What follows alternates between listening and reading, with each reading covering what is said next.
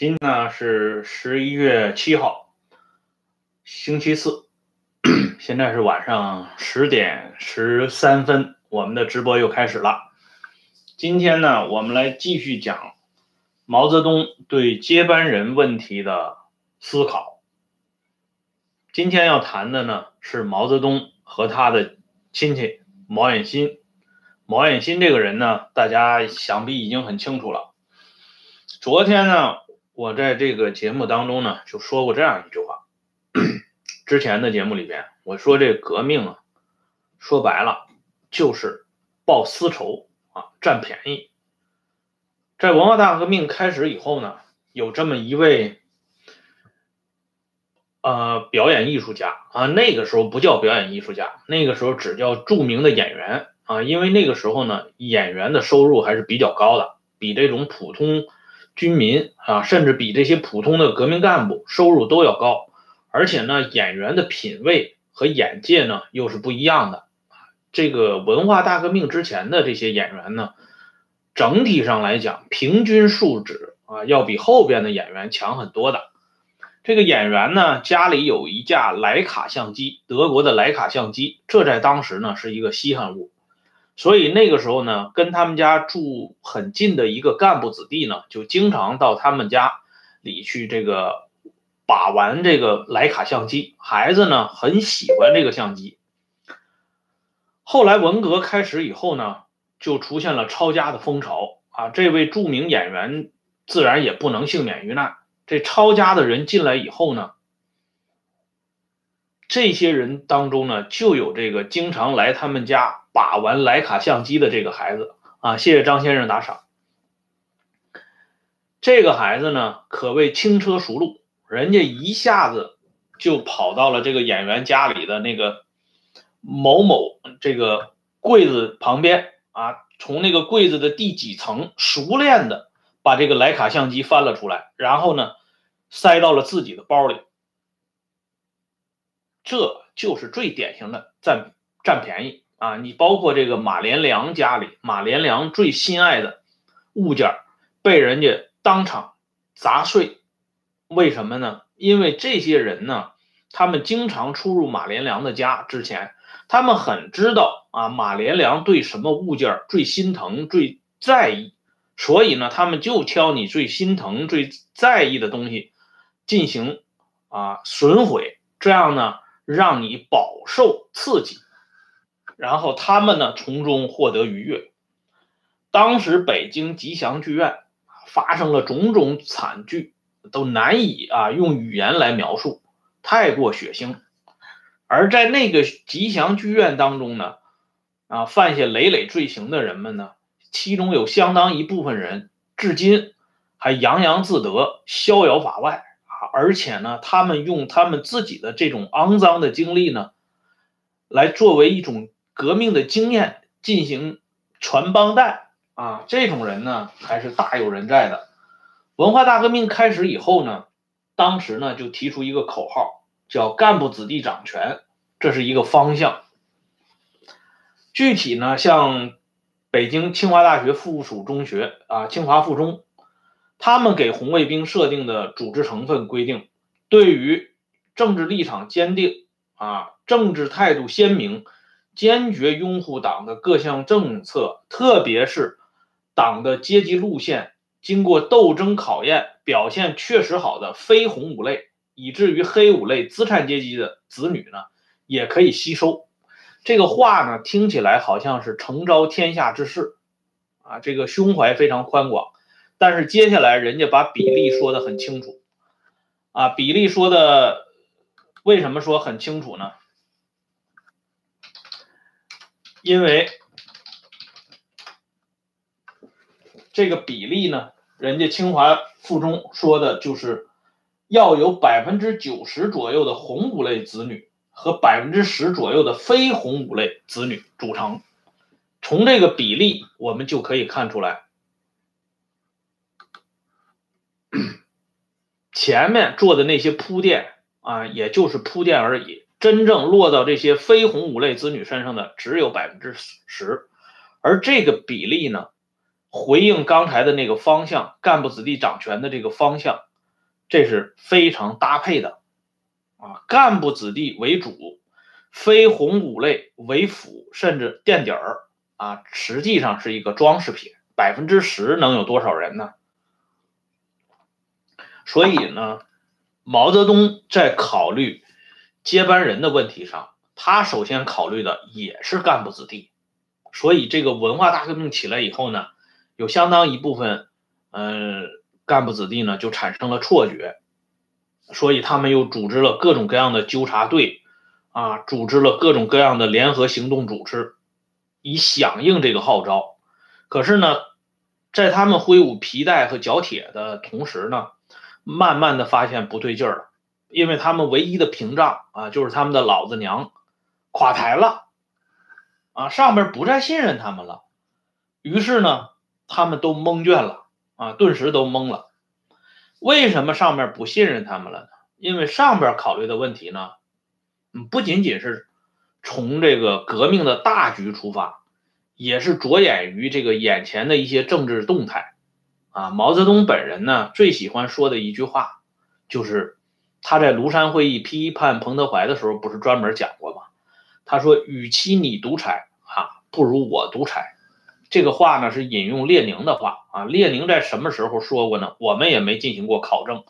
反正伟大领袖说这是列宁的话，那我们就姑且相信这是列宁说过的话。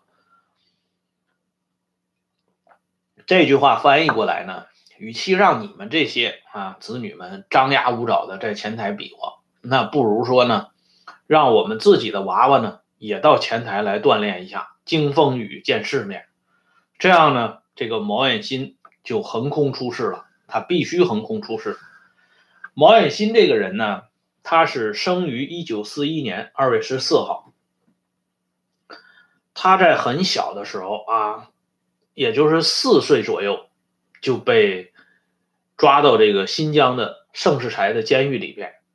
而这个毛远新呢，应该说是在这个整个的第二代子女当中，极少数、极个别啊见过蒋经国的人，因为那个时候呢，蒋经国代表他的父亲蒋介石到新疆的这个监狱里进行探查。就看到了这个四岁多一点的毛远新，蒋经国呢还挺喜欢毛远新，啊，据这个毛远新的亲妈朱淡华向来访者追述，这个蒋经国呢还专门摸了一下毛远新的小脸儿啊，说这孩子长得非常可爱，而这个四岁的毛远新呢，革命立场相当坚定，啊，就是对这个蒋经国。摸他一下小脸这个行动呢，啊，不仅不予以配合，反而呢还发出了革命的怒吼，啊，具体怎么怒吼的呢？这个都是毛远新的亲妈说的，啊，是不是可靠，那就是只有天知道了。不过呢，可以看出来啊，这个毛远新就像我们以前看的那个老电影《烈火中永生》里的小萝卜头一样，这是一个监狱之花，啊，在监狱里边长大的。他的老爹呢，毛泽民后来就被新疆的军阀盛世才他们给提前杀害了。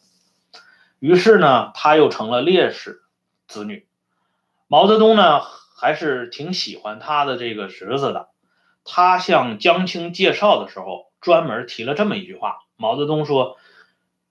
这个孩子他是润莲的儿子。润莲呢，就是毛泽民的另一个名字啊。毛泽东呢，我们知道他这个字号呢叫润之，毛泽民呢，他的字号就叫润莲啊，莲花的莲啊。这就是说，毛泽东呢对这个孩子还是挺重视的。到了一九五一年的时候啊，毛远新的亲妈朱淡华和曾经在新疆一起蹲过监狱的方志纯。那个时候呢，已经结成夫妇了，啊，方志纯和朱淡华走到一起呢，也是多亏了我们邓大姐啊，这个邓大姐呢从中牵线保媒，最后呢促成了方志纯与朱淡华的婚姻。朱淡华要跟着方志纯呢回到江西南昌去工作，这个时候呢，毛远新十岁，正好在北京育英小学读书，所以朱淡华就提出来。把孩子呢带回南昌，毛泽东呢就同意啊他的这个前弟妹的说法啊，毛呢就说了这么一句话，他说这个孩子呢放在我这里，那是温室的花朵，不如啊跟妈妈去南昌经风雨见世面。话说到这个时候呢，话音未落啊，就被毛远新给抢白了一句啊。毛远新那个时候只有十岁啊，孩子说话很直率的，因为小孩嘛，他就说我是住在学校，我又不住在你家里，什么温室的花朵呀？没想到呢，这个小小的毛远新的一番抢白，却引发了领袖的啊哈哈大笑，笑得非非常这个畅快。所以坐在一旁的江青呢，就马上就跟进了。江青说呀：“自从这个岸英啊，就指毛岸英，自从岸英去世以后啊，就是牺牲以后，润之呢，啊，这是江青说的原原话啊，因为他当着家里人的面，他就叫毛的字号啊，不再称呼主席。他说润润之啊，还没有这么高兴过。既然是这样的话呢，不如把远信就留在我们身边。”这样呢，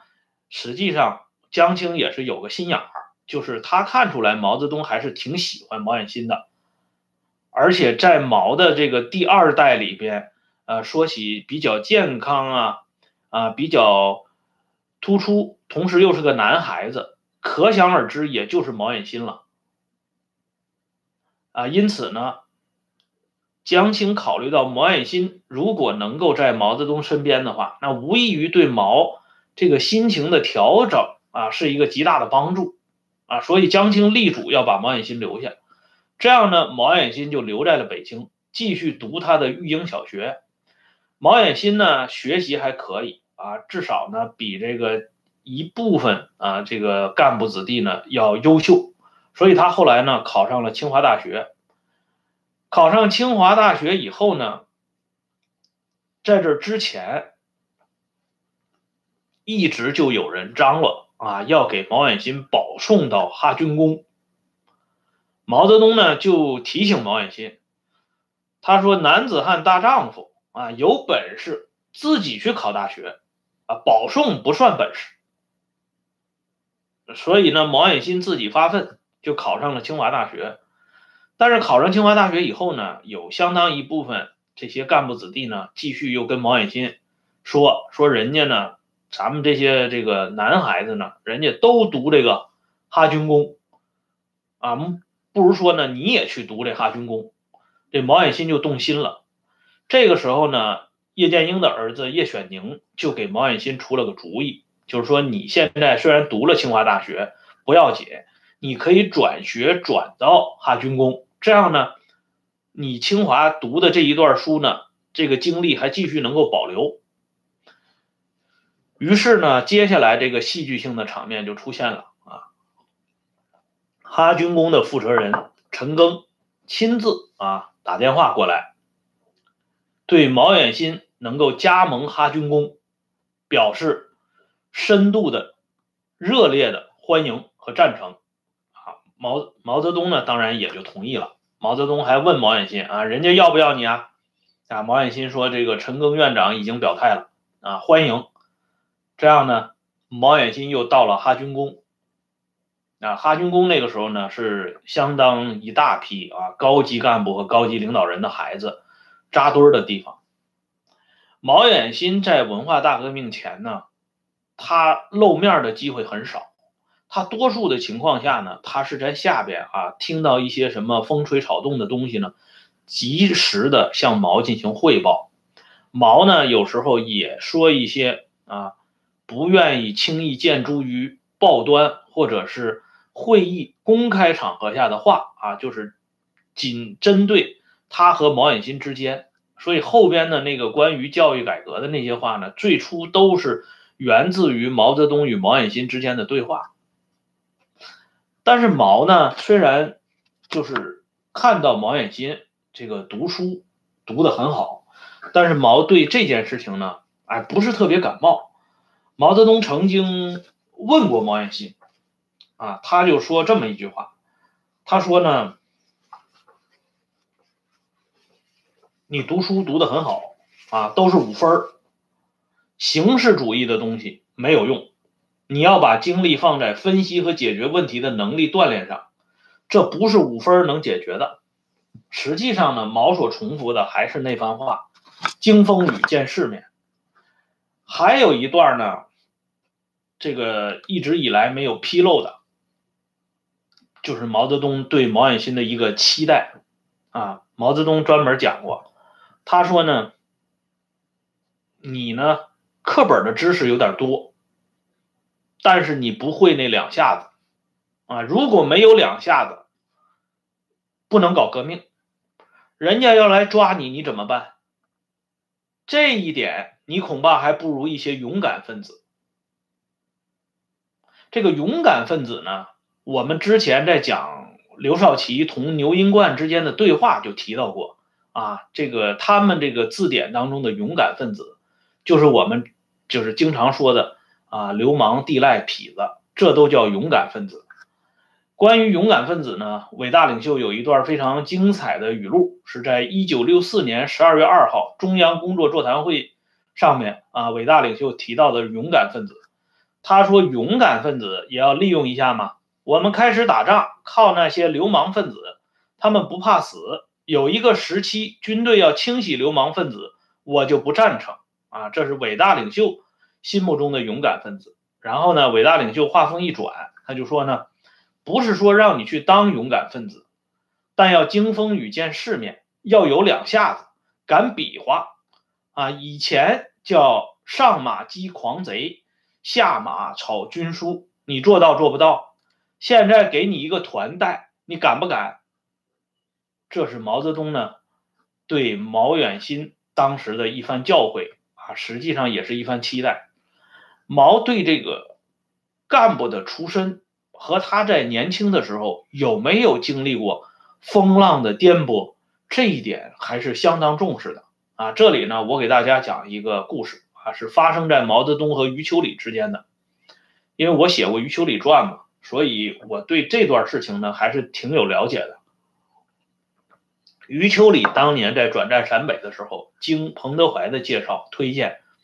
这么一个旅一级的干部呢，第一次同这个伟大领袖。面对面的促膝谈心啊，这是余秋里发迹的基础啊！你跟领袖都见不到，那领袖怎么能知道有你这一号呢？而且这一次对话呢，余秋里的这个回答让伟大领袖非常满意啊，认为这个人呢，这是一个人才，而且发现的晚了，应该予以提拔。呃，从这个时候开始呢，余秋里这个名字在领袖的心目中呢，就开始生根发芽。毛泽东同余秋里的对话呢，一开始毛就问余秋里，他说：“你是什么出身呢？”余秋里回答的非常明确，他说：“我是一个苦出身，苦到什么程度呢？家里仅有的一口猪啊，过年的时候想杀点猪卖点钱啊，自己家呢也想就此呢改善一下伙食。”可是人家地主来人了，说你们家欠钱不还，这口猪呢就给拉走了，仅有的一口猪让人家拉走了。然后余秋里跟他的老爹呢进城去给人家帮工当学徒，到年底一算账呢，不仅没赚到钱，还欠人家一吊钱。余秋里说那个时候呢家里真的是揭不开锅了。所以余秋里就说了：“他说我最高兴的事情是什么呢？就是民国十八年啊，就是一九二九年。他说我跟着农会的人打土豪分田地，啊，到了地主家，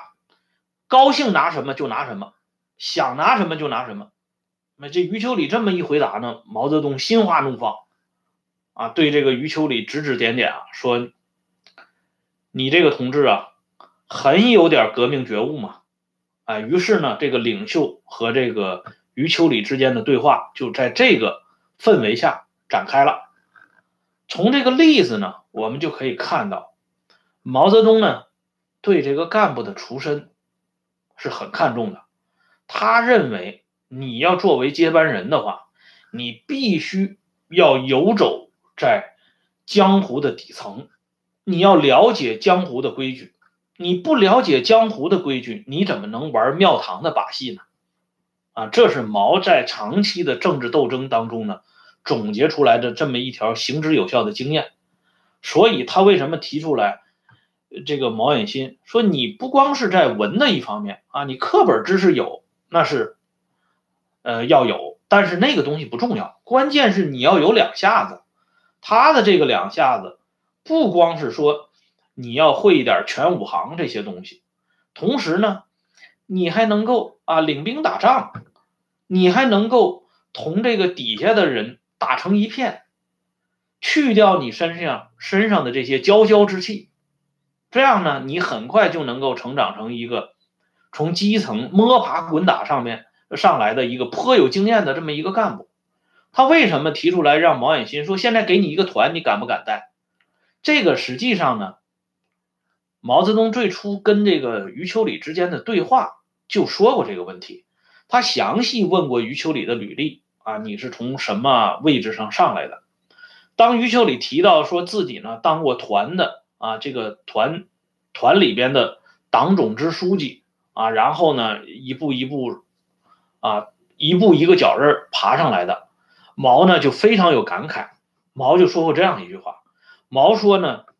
最锻炼人的就是两块啊，一个是在地方当县长，一个是在军队里当团长，这是最锻炼人的。啊，你要把县长当好了，你要把团长当好了，那么军政一把抓。啊，这是毛当时同余秋里之间的对话啊，这就是为什么毛会向毛远新提出来，你给你一个团，你敢不敢带？啊，但是事实证明呢，毛泽东对毛远新的这些期望啊，这些期待，毛远新实际上没有完成任务啊。这个人呢，说白了，他在这种温室里待久了。他想不做温室的花朵也不可能，他想去掉身上的那种骄骄之气，那也是绝对做不到的。封建王朝开国的前两代皇帝啊，摸爬滚打，直风沐雨，乃有天下。他们身上的那些啊，我们说雄图大略也好啊，阴谋诡计也罢，总之呢，他的那些东西，他是从实际斗争中得来的。他也希望他的子孙呢能像他这么成气候，可是他的子孙呢就不行啊！你像这明成祖朱棣，他这征伐蒙古的时候，几乎每一次都要带上他最心爱的孙子，就是后来的明宣宗朱瞻基。其实无非是让这孩子历练一下嘛，也是经风雨见世面。可是这个朱瞻基呢，号称是明朝仁宣之治。的这个缔造者之一啊，可是这个皇帝还有一个外号叫蟋蟀皇帝。这个皇帝业余时间主要是扑在蛐蛐和女人身上，所以呢，他在位九年多一点就嗝屁朝凉了。他的身体状况连他爷爷一半都赶不上，这还是几次参与征伐蒙古锻炼过的人物。所以到了他的儿子啊，就是正统皇帝明英宗。明英宗的时候，那不就发生土木之变了吗？皇帝都让人给俘虏过去了。所以呢，毛对毛远新的这个期待呢，实际上是落空的啊！不光是对毛远新的期待，其他的这个子女他的这些期待最后也都落空了。而且呢，其他的那些人身体状况还不如这毛远新。不过呢，有一点啊，你要说毛远新还是学到了点东西的。比如说这大义灭亲，在文革发动以后呢，毛远新的亲妈啊，就是朱淡华，刚才我们提到的那个嫁给了方志纯的这个朱淡华，在文革当中被整治啊，每天呢，他在这个被管制的时候参加劳动，而且要背诵请罪，这个请罪书呢很长，他就是等于说是。一个既定的模式啊，特别就有点像这个我这推特上那机器人发帖似的啊，它是有一个固定的模式啊，主要是这样，开篇就说我对毛主席、对党、对人民犯了罪，特向伟大领袖毛主席、向党、向人民请罪，真心实意的接受革命群众的监督改造，脱胎换骨的改造资产阶级世界观。反正这个话呢很长，我就不再念了。朱淡华每天都要念这个请罪词，啊，遭受了这个非人的待遇。但是这个时候呢，毛远新却是串红了，非常红啊！他难道不知道他亲妈受到这种啊折磨吗？他当然知道，但是毛远新不会伸一把手的。为什么呢？这个就是我们昨天说的，毛泽东提到一点，他说呢，昨天毛泽东不是给这个接班人做一个结论吗？就是年纪小的、学问少的、立场稳的、有政治经验坚定的人。什么叫立场稳的？立场稳就是，即使你的亲爹亲妈，如果在阶级立场上跟你不一致，你也要做到。大义灭亲，毫不犹豫，不要把这些世俗的亲情友情放在革命之上啊！而且呢，说实话，毛泽东在后期看中的人，多数都具有这种品行的。比如说我们的康老啊，康生，大家都知道有一部鬼戏啊，是文革当文革前夕就已经开始批判了，就是李慧娘啊，描写这个南宋著名的。昏官宰相贾似道啊，这么一个戏，这个戏的炮制者呢叫孟超，孟超和康生他们是实在亲戚啊，他这个亲戚程度到什么程度呢？就是孟超的哥哥啊，孟超的亲哥哥是康生的亲姑父，也就是说孟超的嫂子是康生的亲姑姑啊，两家的这个关系就这么近，而且呢。虽然孟超从名义上讲是康生的长辈，可是他们俩呢是同乡同学同志，而且孟超还一度做过康生的顶头上司。康生那个时候在上海呢搞宣传鼓动工作，孟超是他的顶头上司，宣传部部长。这两个人的私交非常好。在李慧娘这个节目出来之后呢，康生一直是不遗余力的支持。后来发现，康生发现伟大领袖对这这个戏呢，对这李慧娘的戏讳莫如深，啊，他从江青那儿挖到这消息了，说主席非常讨厌这部戏，认为这部戏模糊了阶级立场，啊，实际上是搞帝王将相那一套。康生呢，马上就转了向了。当然一开始呢，他还向这个孟超吹一点这个。吹点风啊，撒一点毛毛雨，告诉孟超，你这部戏有毛病，要修改。但是他不可能告诉孟超为什么有毛病，为什么要修改。他话也只能说到这一步了。这孟超啊，他到底是个知识分子，他没搞清楚这部戏居然引发龙颜大怒啊，所以他还从戏的本身进行修改，那怎么能得到？领袖的满意呢？所以康生一看，你孟超既然这么冥顽不灵啊，我都已经这个仁至义尽了，给你打招呼了，你居然听不懂这革命的暗号？因为孟超也没在特科工作过，他怎么能明白康生的这个苦心孤诣呢？对吧？所以呢，康生就把脸就翻过来了，啊，直接就提出来要搞掉这个孟超。这孟超呢，后来死在文革当中啊，最后的结论呢是被迫害致死。在整治孟超的过程当中，说实话，只有刘少奇替孟超伸过一次手，啊，当然，这刘少奇那个时候也不知道是伟大领袖要搞这孟超，否则的话呢，刘少奇也不会伸手的，啊，谁敢轻易触怒伟大领袖呢？从康生的这个例子来看呢，就是只要啊触怒了革命的根本利益。让中央领导同志不高兴，那我不管你是谁，我就一律翻脸。所以从这个例子上来看呢，毛远新在这点上其实还是挺合格的，只是说呢，他在其他方面距离伟大领袖对他的要求实在是差距太远。这也就是为什么最后这个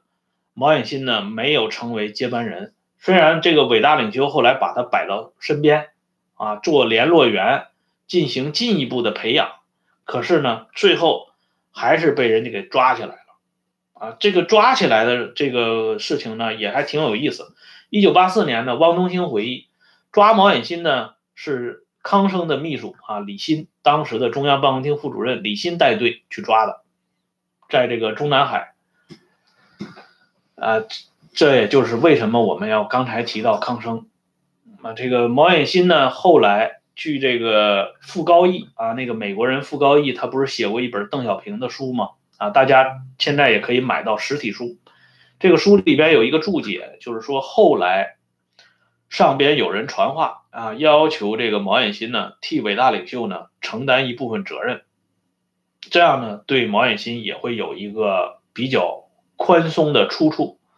但是毛远新呢拒绝这么做啊，这这样呢，这个毛远新后边呢就继续在里边多待了一些时候，到了一九八九年才给保释就医。后来安排到上海一家这个研究所做这个研究人员、工程师吧。呃，在这个领导向大家介绍的时候，啊，这个介绍毛远新的履历的时候非常有意思。啊，他说这个毛远新，因为毛远新那个时候的名字已经变了，叫李实啊，姓李的李，实际的实，这是毛泽东在毛远新四清。运动前夕呢，给毛远新起的名字，因为他的子女都姓李嘛，所以毛远新也姓李。啊，这个实呢就实事求是嘛。这个介绍，九三年十一月份，毛远新到上海的这个研究所报道的时候，所长呢介绍的时候就说，李石同志呢毕业以后一直在空军工作，八九年转业到江西省公安厅工作，现在呢调到上海来。这个所谓一九八九年转业到江西省公安厅工作，这个实际情况是，一九八九年毛远新在江西省南昌市保外就医，关系呢转到江西省公安厅，江西省公安厅负责对毛远新进行监督和监管，所以呢说毛远新在江西省公安厅工作，呃也不算太夸张吧，啊这个